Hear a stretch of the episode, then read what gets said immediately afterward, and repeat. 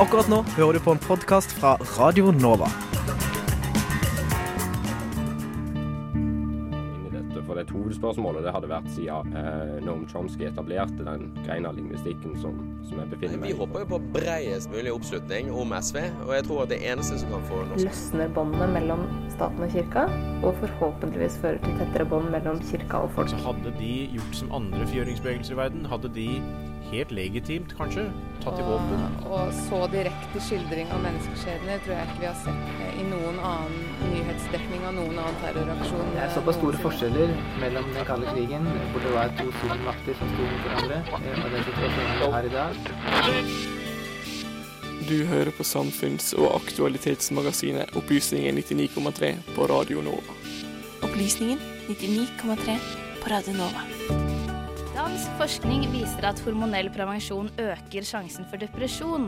Hvorfor snakkes eh, det så lite om prevensjonsmidlenes bakside? True crime belyser gamle mordgåter, men løser dem ikke alltid. Hvorfor kan man ikke bare ta en DNA-test og oppklare saken? Folkehelseinstituttet svarer. Og vi får stadig høre hvor viktig trening er for god helse. I ukas Opplysningen får vi høre en som mener noe ganske annet. Feriestasjon har en innvirkning på den enkelte nordmanns selvfølelse og identitet. De sliter, og de har ikke råd til å betale eh, markedspriser for, for gassen. Akkurat nå hører du på Radio Novas samfunns- og aktualitetsmagasin, Opplysningen 99,3. Hei, velkommen til Opplysningen 99,3 denne fredags formiddagen 4. november. I ukas sending så skal vi ta en nærmere titt på eh, menneskekroppen. Vi skal se på hvordan hormonell prevensjon kan virke inn på kvinnekroppen. Eh, sånn rent bortsett fra det å hindre at man får barn, altså. Og så eh, skal vi snakke om DNA. For DNA er ikke nødvendigvis svaret på alle mordgåter. Følg med utover i sendinga, eh, så skal vi i Opplysningen oppklare noen myter om DNA-bevis for deg. Først i sendinga så skal vi høre om hormonell prevensjon og hvilke baksider som finnes ved denne typen legemidler. Kvinner tilbys en rekke prevensjonsmidler. P-piller, p-staver, p-sprøyter, p-ring, p-plaster, minipiller, hormonspiraler, kobberspiraler, og lista den fortsetter. Mange av prevensjonsmidlene påvirker kanskje kroppen mer enn vi aner. Et dansk forskningsprosjekt som nærmer på hormonenes påvirkning på kvinners psykiske helse. Fra 2000 til 2013 deltok danske kvinner mellom 15 til 34 år i et forskningsprosjekt. Resultatet viste at kvinner som deltok og brukte hormonell prevensjon, var mer utsatt for depresjon. Vet vi nok om hvordan dette påvirker oss? Med oss i studio har vi Ingrid Rør Bjerke. Du er altså en privatperson, men du har også en bachelor i psykologi og jobber som sykepleier. I tillegg har vi Steinar Madsen over telefon, som er medisinsk fagdirektør i Statens legemiddelverk, for å svare på noen spørsmål. Velkommen, begge to. Takk. Eh, Steinar Madsen, kan du forklare litt hvilke funn som ble gjort i dette danske forskningsprosjektet? Ble du overraska? Ja, jeg ble overrasket. Eh, Det man fant, var at eh, alle former for eh, hormonell prevensjon ga en økt forekomst av bruk av legemidler mot depresjon. Altså de som fikk prevensjon, brukte mer legemidler mot depresjon enn de som ikke fikk hormonprevensjon. Ja.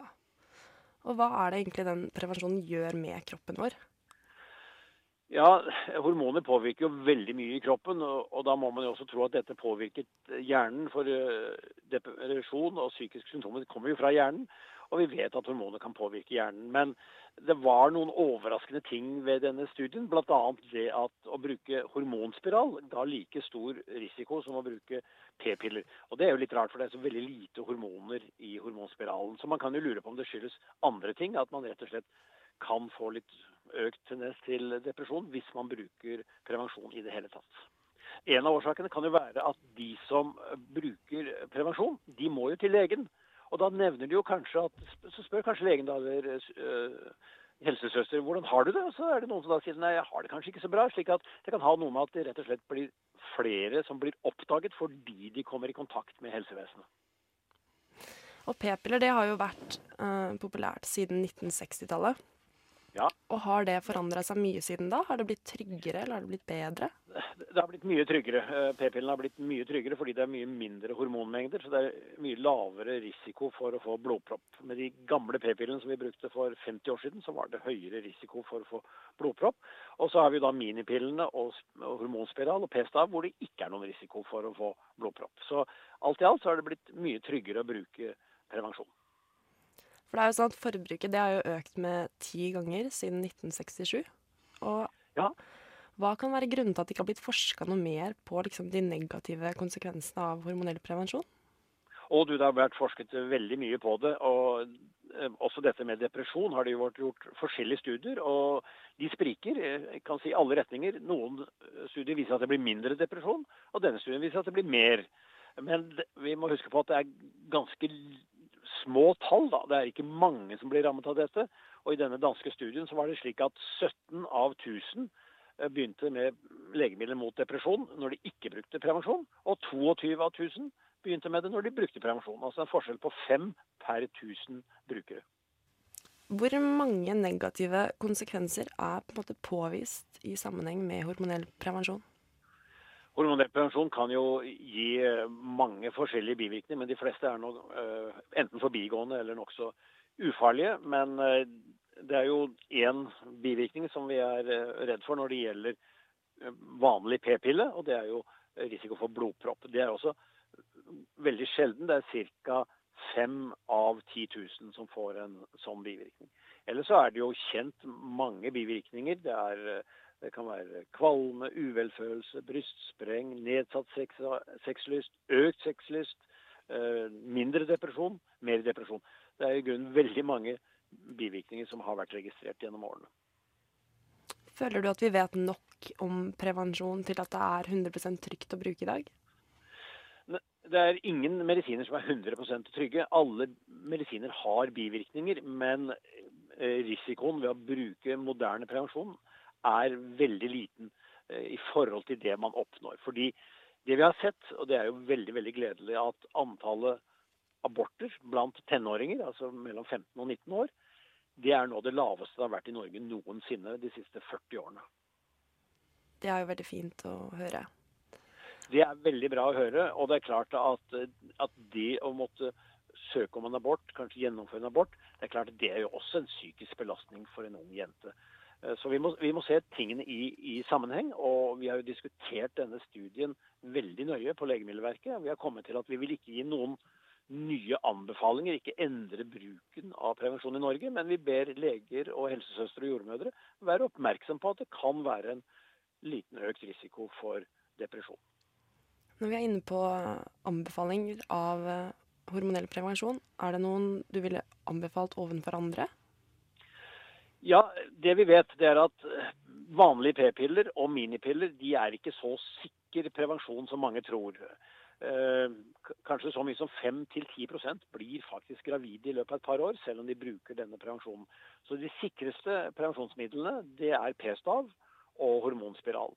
Og der har bruken gått veldig kraftig opp eh, de siste årene. Mange flere nå som bruker p-stav og hormonspiral. Og det har nok også noe av grunnen til at antallet aborter har gått så kraftig ned blant de yngste jentene. Litt manglende forskning og den offentlige bevisstheten er jo noe du har engasjert deg i, Ingrid? Mm, ja, stemmer. Hvorfor det? Eh, jeg opplevde at eh, da jeg og mange på min alder på videregående skulle begynne på p-piller og lignende prevensjon, så var det jo mye snakk om blodpropp, som eh, Madsen har nevnt. Men det var på en måte også det det var snakk om. Og så etter hvert så var det flere som, eh, meg inkludert, som begynte å kjenne at eh, det hadde kanskje flere effekter også enn eh, Eller kunne ha flere effekter, da. Sånn som mm. jeg selv opplevde jo å få veldig nedsatt sexlyst, som ble normalisert igjen etter at jeg sluttet på p-pillene. Ingrid Bjerke, du har jo skrevet litt om din egen erfaring. Rundt at du mistet litt av din sexlyst i 20-årene. Mm -hmm. Hva tenker du om det i dag? Eh, først tenkte jeg jo bare å, det her er sikkert sånn jeg er, og dette er naturlig når man har vært sammen med den samme kjæresten noen år, osv. Eh, men så etter hvert begynte jeg å tenke at nei, det her er nok ikke naturlig når man er i starten av 20-årene og frisk og har det bra og Eh, så den eneste faktoren jeg egentlig fant som jeg trodde kunne ha noe med det å gjøre, var p-pillene. Og, og som sagt så ble det jo mye bedre etter at jeg sluttet på de. Mm. Men nå er dette bare ett eksempel, og sier jo ikke noe om ja, utbredelsen av hvordan dette er for alle andre. En tanke jeg har gjort meg om det, er jo om, om det her kan uh, I forhold til det å, å miste sexlyst da, for jenter, om det kan relateres til kjønnsroller i samfunnet. Uh, for det er jo veldig sånn at gutter forventes å ha utrolig stor sexlyst og sexdrift døgnet rundt, nærmest. Mens eh, det er jo ikke helt den samme forventningen til kvinner, opplever jeg. Og i tillegg så er det jo sånn tanke om at kvinner har mye mer humørsvingninger, og det er PMS, og mer sånn eh, moody. um, men så er det sånn Hvor mye stemmer alt det her, og kan det være andre ting som eh, er med på å skape det bildet av at eh, det er sånn her typisk mellom gutter og jenter. Um, ja, så det er en ting jeg har tenkt på i relasjon til det vi har snakket om nå. Og Det er jo litt et spørsmål til dere begge to. Føler dere at det snakkes lite om de negative konsekvensene rundt det her? Er det lite snakk om nedsatt sexlyst, f.eks.? Ja, hvis jeg skal kommentere det, Mm. så, er, så har vi jo gjort undersøkelser av eh, dette på Legemiddelverket. Hvorfor jenter ikke bruker prevensjon. Og det som kommer frem, det er at mange bruker ikke prevensjon fordi de er redd for bivirkninger. Og vi er jo veldig opptatt av at det må være en balanse mellom eh, informasjon om de gode sidene ved å bruke prevensjon, og de bivirkningene man kan få. Så vi er veldig redd for at unge jenter blir skremt.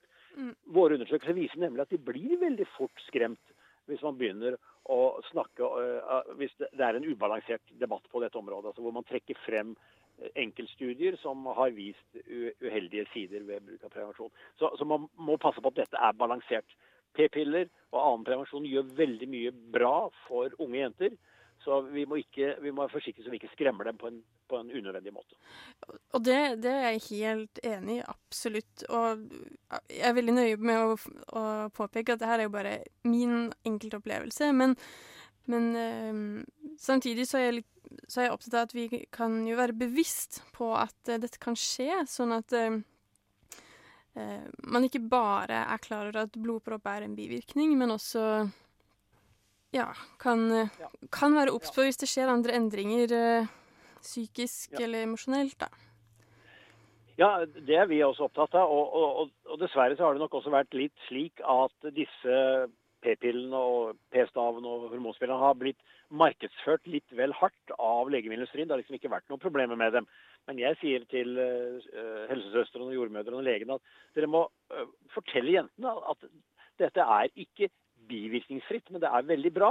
Men, men altså at man ikke får for store forventninger, for da blir man jo skuffet.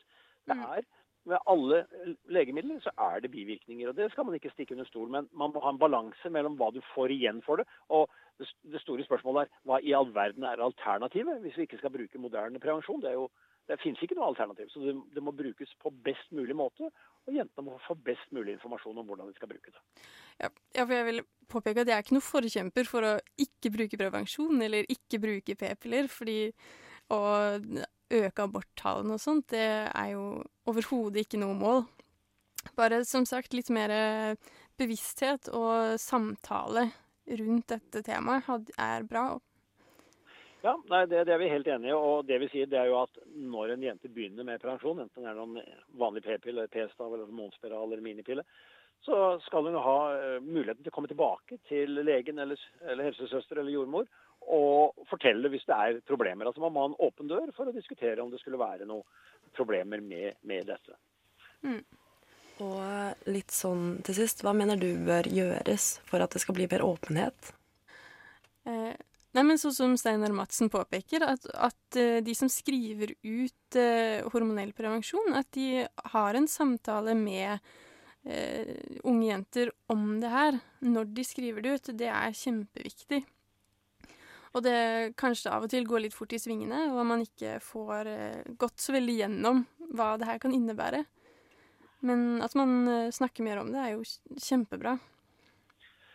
Ja, eh, vi har jo veldig god erfaring eh, med eh, helsesøstre og jordmødre etter at de fikk lov til å skrive ut prevensjon for, ja, fra 2003. Og nå har de jo på en måte fått fulle rettigheter. De kan skrive ut alle typer prevensjon til jenter i alle aldre over 16 år. Og Erfaringene er jo veldig gode. De har veldig godt opplegg for dette, og de snakker grundig med jentene. Eh, da på eh, gymnas, altså videregående skole osv., som er altså 16-17-18-19 år gamle, som skal begynne med prevensjon. De får, det viser jo undersøkelsen at de får god informasjon. Mm. Tusen takk til eh, dere begge. Jeg tror det er det vi rakk i dag. Men det er veldig fint at vi får prata litt om det her. Litt mer åpenhet. Veldig hyggelig. Mm. Og veldig viktig tema. Veldig viktig. Det var redaksjonens Marte Leane Bleken Klemetsdal som gjorde dette intervjuet. Det er jo klart for de fleste at noe, noe er galt med verdensøkonomien. Alvorlig galt. First thing I, I went into prison, a young man, and I got out of it a very old man. Du hører på Opplysningen 99,3 på Radio Nova. Hvorfor er ikke alltid DNA-funn sikre bevis i kriminalsaker? Det, det kan du høre her. De florerer på internett, TV, radio og podkast. Isdalskvinnen, Making a Murderer, Serial og Uløst. Vi snakker om den megapopulære sjangeren true crime. Og når du hører på, tenker du kanskje hallo, er det ikke opplagt at det er hun eller han som er skyldig? Eller kan ikke politiet bare ta en DNA-test av offeret, så er saken løst? Så enkelt er det kanskje i fiksjonsverdenen.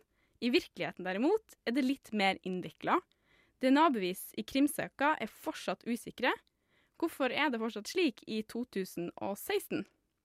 For å svare på det så har vi med oss Mariam Gjærum Borska, seniorrådgiver ved Folkehelseinstituttet, avdeling for rettsgenetikk i straffesaker, som også er sakkyndig i rettssaker. Velkommen.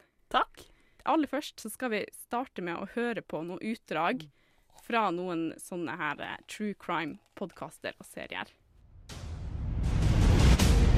Stephen Avery spent 18 years in prison for something he didn't do. 18 years. 18 years. DNA had come through indicating that he had not committed the crime. Law enforcement officers realized that they had screwed up big time. Men etter funnet av tennene og vevsprøver av henne, har vi håp om å komme videre i saken. Og sammen med politiet skal vi forsøke å finne svar på det store spørsmålet. Hvem var Isdalskvinnen? Nå skal vi få vite om vi får en DNA-profil av levningene. Når vi hører om et hårstrå i en drapssak, så tenker vi at det er bare å DNA-teste det, så finner vi gjerningsmannen. Men etter å ha snakka med flere DNA-eksperter, så har jeg skjønt at det er ikke sånn på CSI. Spesielt ikke i 1995. Ja, det er kanskje ikke så enkelt. Aller først, hvordan syns du framstillinga av etterforskninga i fiktive eller true crime-serier er i forhold til virkeligheten? Når det gjelder true crime-storyene, så er det jo virkelighetens historier som kommer frem. Og det viser jo faktisk at det er ikke alltid at man klarer å finne eller ta pakke gjerningspersonen, i hvert fall ikke ut fra DNA-bevisene som legges for retten. Men eh, når det kommer til CSI-historiene eller tilsvarende serier, så gjøres det jo veldig enkelt. Og gjør jo at mange av de som jobber i mitt fagfelt, de ser ikke på disse seriene. Fordi eh, det er ikke sånn i virkeligheten. Det blir for fjernt? Ja, det blir for enkelt. Eh, det er for eh, eh, hva skal jeg si, etterforskningen, og det blir for ensporet. Og ofte så er det slik at det, det biologiske materialet får for mye betydning for om man klarer å fakke gjerningspersonene eller ikke. Et biologisk materiale sier jo bare noe om hvem som har vært på et eventuelt åsted, men ikke når og hvordan det er avsatt. La oss snakke da om en, en av de true crime-seriene som jo er fra virkeligheten. NRK sender for tida en dokumentarserie om Isdalskvinnen, og som vi hørte et utdrag fra. Det er en ung kvinne som er funnet død og sterkt brannskada i Isdalen i Bergen i 1970. Og hvem hun var, det ble aldri oppklart. Men på tirsdag så kunne NRK fortelle at dine kolleger ved eh, Folkehelseinstituttet har klart å få ut en tilnærma fullverdig DNA-profil fra vevsprøvene, som ble tatt ut av Isdalskvinnen da, i forbindelse med obduksjon. og det er over 40 år siden. Hvor, eh, hvor vanskelig er egentlig det? Her er det mange ting som er utfordrende. Både at uh, dette materialet har uh, ligget og vært håndtert eh, slik at det, det er mange personer som har kunnet være i kontakt med materialet og eventuelt avsatt cellene sine på dette materialet. Og de må man jo vaske bort. I tillegg så har man ikke oppbevart det slik at man har tenkt på at en DNA-analyse skal kunne være mulig. Fordi man hadde ikke teknologien i 1970. Så man visste ikke at man kunne få ut DNA på den måten, slik man gjør det i dag. Så det er også en utfordring, i tillegg til at eh, det er et gammelt materiale. Eh, Det er mange år gammelt. Og det vil også ha en betydning for hvor godt DNA-resultat du har mulig for å oppnå. Og hva forteller da det her, eh, den DNA-profilen? Den forteller oss kun noe om kjønn, og eventuelt ved å sammenligne med referanseprøver av enten personen selv eller slektninger, så kan man identifisere personen. Men på noen annen måte har man ikke noe mulighet for å finne ut hvem eller hvor man var fra. Det er jo ikke sikkert at eh, DNA-profilen på offeret vil kunne oppklare en sak, eh, og som regel så er det jo DNA-profilen til forbryteren som man er mest eh, interessert i i sånne true crime-serier. Hvis politiet finner et hårstrå på et åsted, hvorfor er ikke det et sikkert bevis? Åh, det, å vurdere bevisen, bevisene i en sak, det er det jo retten som skal gjøre. Ikke vi, og ikke politiet. Eh, men det er jo politiet i Norge som eier et åsted, og det er de som sikrer materialet for hva som skal undersøkes videre. Et hårstrå i seg selv, hvis man tenker på det, alle sammen mister jo hår hele tiden. Eh, så det som er viktig for å få et DNA-resultat, er at du eventuelt får et hårstrå med en hårsekk, hvor hårsekken følger med. Eh, men hår er jo så flyktig at på alt hva vi har av tøy og tekstiler, så vil det på en måte være mulighet for at et hårstrå fester seg. Så det at du finner ett enkelt hårstrå på et åsted, betyr jo ikke at du har vært den som har utført den kriminelle handlingen. Eventuelt at man har vært der, kan man jo være, men det må jo da eventuelt politiet etterforske om man har noe rimelig grunn for å være på dette åstedet, eller ikke. Mm. Eh, hvordan må politiet gå fram dersom man finner et DNA-bevis på et sted hvor det har skjedd en kriminell handling? Eh, Da tenker du på hvordan de sikrer det, eller? Ja. Det viktigste når man går inn på et åsted, er jo å definere åstedet, og at man ikke Man er sikker på at man ikke tar med seg eh, på en måte Eller avsetter sine egne celler på det materialet på åstedet. Så da er det jo viktig at man kler på seg det riktige utstyret og håndterer det materialet man skal sikre, på en hensiktsmessig måte, slik at man kan være sikker på at det som man da sikrer på åstedet, er faktisk er, kan ha en betydning for eh, å eventuelt løse saken. En annen kjent sak der eh, DNA-bevis har fått mye oppmerksomhet i media, er Monica-saken, drapet på en åtte år gammel jente i Hordaland, som først ble henlagt som et selvdrap. Den tiltalte stefaren til den døde jenta hevda at DNA-et hans det havna hjemme hos hun og mora mens han bodde der sammen med dem, hvorpå Monicas mor sa at hun vasker ofte og grundig, så det kunne ikke være tilfellet. Hvor lett kan egentlig et DNA-spor vaskes vekk? Ja, hva skal man si til det? Det kommer litt an på hvordan type biologisk materiale som er avsatt. Um, og noen biologiske spor er bedre enn andre. Så hvis man tenker på blod eller uh, andre kroppsvæsker, så er det jo det ofte gode biologiske kilder til DNA. Mens f.eks. hudcellene våre, altså overflateceller fra huden, de er veldig dårlig, selv, dårlig eh, DNA-kilde, så ofte så er de lettere å tørke og vaske bort. Eh, så kommer det an på hvordan type kjemikalier man bruker, og hvordan man gjør jobben. Om man har vaska grundig eller ikke. eh, for hvor lett det er å fjerne biologisk materiale. Men vi må tenke på at i alle settinger hva vi gjør, så vil vi hele tiden avsette litt celler. Det er ikke noe på en måte farlig å avsette noe biologisk materiale, for det gjør vi alle. Men det er jo det å eventuelt å kunne knytte det til den kriminelle handlingen som blir politiets jobb. Kan, kan et DNA-spor forurenses?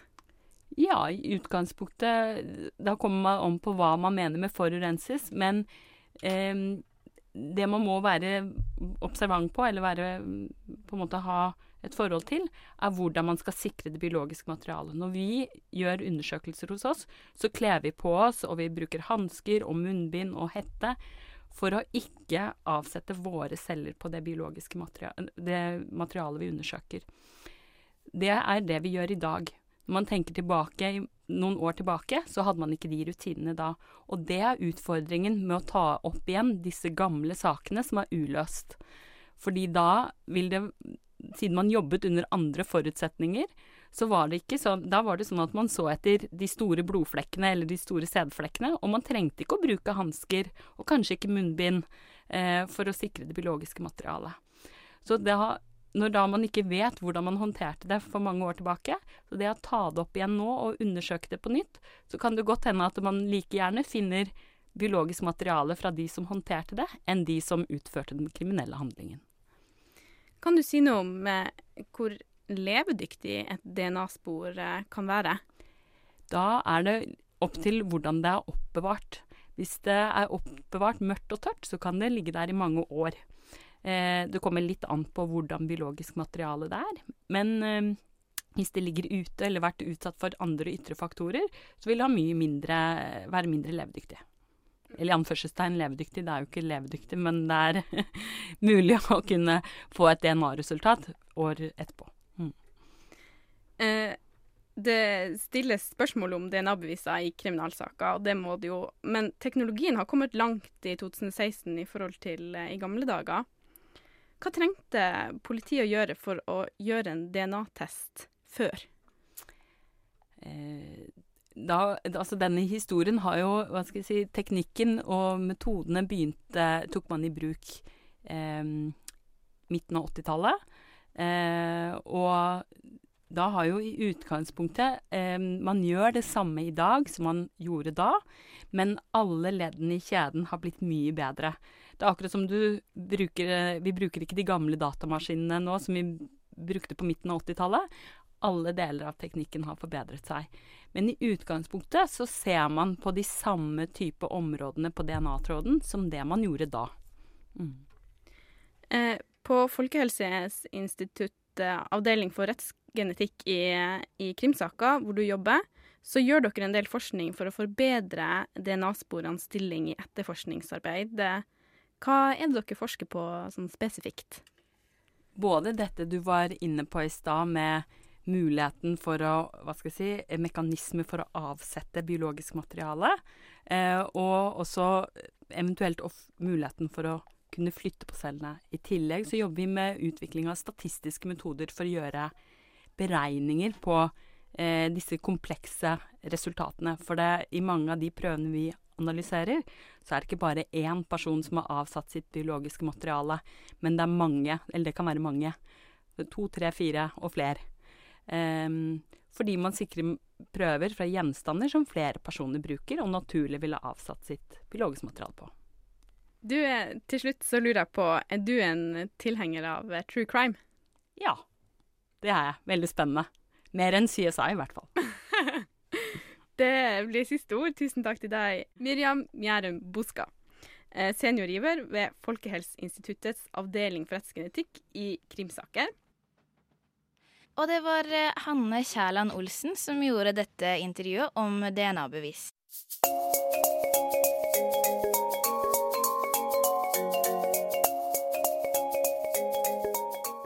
Trening er kanskje ikke alltid beste vei til god helse. Hvorfor ikke i så fall? Vi skal få et eh, lite gjenhør med et intervju med Gro Rugseth, som er ansatt ved Høgskolen i Oslo eh, på Institutt for fysioterapi.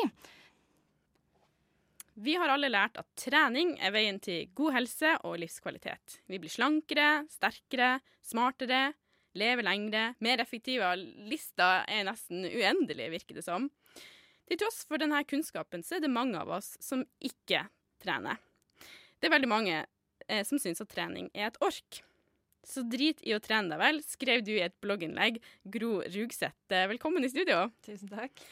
Og da løfter vi litt på øyenbrynene, fordi du eh, jobber ved Høgskolen i Oslo i, på Institutt for fysioterapi. Mm. Eh, er det ikke trening som er veien til god helse? Trening er kanskje én vei til noen sider ved helse for noen. For så mangfoldig er det antageligvis. Vi har litt lett for å redusere det til én ting og én vei, og at det skal være likt for alle. Og det var vel det som var litt av min agenda i den kronikken du viste til. At um, den forenklingen som foregår fra den vitenskapelige kunnskapen vi har om helseeffekter av trening, og til det budskapet som kommer ut til oss som da bør trene, um, den er ganske grov. For uh, la oss snakke litt om de negative sidene eh, ved det å trene. Ja, hvor skal vi begynne? uh, ja, altså for det første så Altså det jeg kanskje er mest opptatt av for tiden, eller i vår tid, da, det er at dette med trening har blitt en plikt. Uh, og at man ved å ikke trene skal gå rundt og ha dårlig samvittighet. Uh, og det tror jeg faktisk gjelder både de som trener, og de som aldri trener. For jeg tror at selv om du trener, så kan det på en måte aldri bli nok, sånn som budskapet fremmes. Eh, til både unge og eldre, alle mennesker. Det jo, har jo lett for å bli i disse budskapene, så er det en henvendelse til deg, et du. Men hvem er nå denne du? Eh, og vi er jo som sagt så forskjellige og så ulike på alle måter at hvordan dette budskapet treffer, er nok veldig uavklart. Mm. Og du etterlyser ekspertene som interesserer seg for hvorfor vi velger å ikke trene, selv om vi vet alle grunnene til at det er så bra for oss. Mm. Ja, jeg, jeg, kan interessere meg Som forsker så kan jeg være veldig interessert i folk som både trener og ikke trener. Det jeg kanskje etterlyser aller mest, er at vi får opp andre måter å snakke om det å trene på. Eh, det har litt lett for å havne i en sånn litt eh, medisinsk eller naturvitenskapelig måte å snakke på, hvor det ene fører til det andre, og at det er noen sånne selvsagte sammenhenger. Mens eh, for meg så er trening et veldig stort meningsfelt som kan fylles med veldig ulikt meningsinnhold. Og den nysgjerrigheten på hva trening er for deg, eh, den er viktig, men også eh, selvfølgelig begrunnelser for å la det være. Til tross for at de fleste vet om det her, så velger folk å ikke trene. Hva, hva vet man om begrunnelsene for det, da? Jeg tror at det er mange terskler. Eh, man kan jo kanskje få inntrykk av at eh, treningssammenhenger er veldig sånn glade, inkluderende sammenhenger. Men eh, jeg tror det er ganske sikkert at treningssammenhenger også er veldig ekskluderende. Og det kan være så ulike grunner til at man ikke føler seg som en del av gruppa. Jeg har jo da mest forskningsbakgrunn fra eh, mennesker med overvekt og fedme. Og igjen så er det mange forskjellige grunner til at de ikke nødvendigvis føler seg inkludert i treningssammenhenger som tilsynelatende inviterer dem inn, men som når det kommer til stykket kanskje ikke er særlig inviterende å åpne likevel. I tillegg så jo, blir man jo fortalt at det er veldig viktig å sette seg mål for treninga. Mm. Um, men hva skjer hvis alt fokuset går på liksom å oppnå idealkroppen eller bli sterkere hele tida? Hva skjer med treninga da? Ja, jeg, jeg, kan ikke akkurat si deg hva som skjer, men jeg kan tenke litt sånn åpent rundt det der at, at trening alltid skal ha en, liksom, en avklart hensikt. Uh, jeg liker å tenke at trening er ferskvare på den måten at det er noe som foregår her og nå, og hvor trening tar meg når jeg trener. Det kan være uh, For det første er det veldig individuelt. Uh, det har med min historie å gjøre, det har med det de er sammen når jeg gjør det. Altså utallige ting som virker inn på hva hva trening fører til for meg. Så jeg er litt sånn opptatt av at vi ikke bare må redusere trening til noe som skal ha en bestemt hensikt, men stille oss åpne overfor hva skjer når vi beveger oss. Og nå har vi snakka mye om trening. Det er også et begrep som på en måte drar aktivitet og bevegelse i en bestemt retning. Det er den derre formålstenkningen. Eh, og jeg ønsker jo liksom å stikke fingeren litt borti det, da. Og si at uh, trening er jo også veldig mye annet enn forutbestemte formål og hensikter. Hva da, for eksempel? Ja, Det er selve opplevelsen. Altså, jeg syns jo at jeg kan ha veldig ulike opplevelser selv, hvis jeg skal ta utgangspunkt i meg, da, som er det jeg aller mest vet noe om. Uh, jeg kan oppleve at de første ti minuttene på en uh, løpetur er uh, Det er veldig mye motstand. Jeg har ikke lyst. Jeg, egentlig så har jeg lyst til å snu, og noen dager snur jeg. Eh, men så kan jeg også oppleve å komme over i en helt annen tilstand. At det tar meg inn i et slags modus hvor alt som er rundt, blir litt borte. Og at jeg bare holder på med det uten at det egentlig har noe formål. Men, men det er godt å bare holde på med det. Eh, og, og nå er kanskje løping og skigåing det jeg er opptatt av, men det tror jeg det er veldig mange andre bevegelsesaktiviteter som også kan ta folk inn i, da. Eh, om det er poledancing, yoga eller roing eller å gå en tur. Altså veldig mye ulikt. For noen er sam, altså samværet med hunden, samværet med barnet, samværet med ektefellen. Bare det at det skjer noe der og da, er kanskje det aller, aller viktigste. Men å, å drite i å trene, er det det folk trenger å høre? Ikke det, ikke det i dag mange som å bevege, trenger å bevege seg mer? Jo, det er jo et paradoks, og det er jo liksom inn i det paradokset at jeg prøver å blande meg med litt sånn provoserende tittel.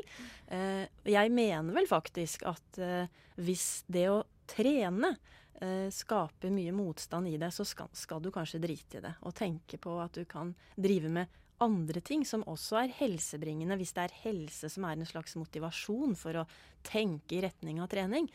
Så skal man, og, og hvis man da kjenner en motstander, så ja, noen vil jo like å, å, utfordre seg på det, mens andre kanskje bare skal la det være. Kan, det er mye god helse i å lese en bok, eller å gå på kino, eller sitte i en park. Så hvis jeg velger å ligge på sofaen og spise smågodt og se en film med en god venn i kveld, så kan det også være svært eh, helsefremmende. Ja, det, det, vil jeg si. Altså det der å ha det bra, det har vel alltid vært forstått som helsebringende. Altså å ikke ha det bra, det er jo i utgangspunktet et tegn på at noe ikke er helt i orden. Så hvis du kan nyte den fredagskvelden på sofaen med smågodt, så syns jeg du skal unne deg det. det her var gode ord å ta med seg på sofaen inn i helga. Takk for at du kom i studio, Gro Rugseth. Eh, eh, Førsteamanuensis mm -hmm. ved Høgskolen i Oslo, Institutt for fysioterapi.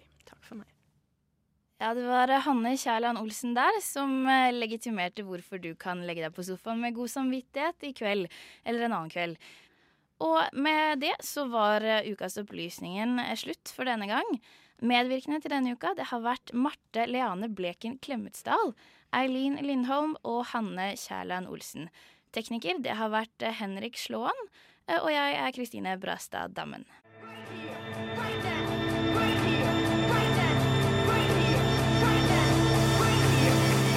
Radio Nova. Du har hørt en podkast fra Radio Nova. Likte du det du hørte? Du finner flere podkaster i iTunes og på radionova.no.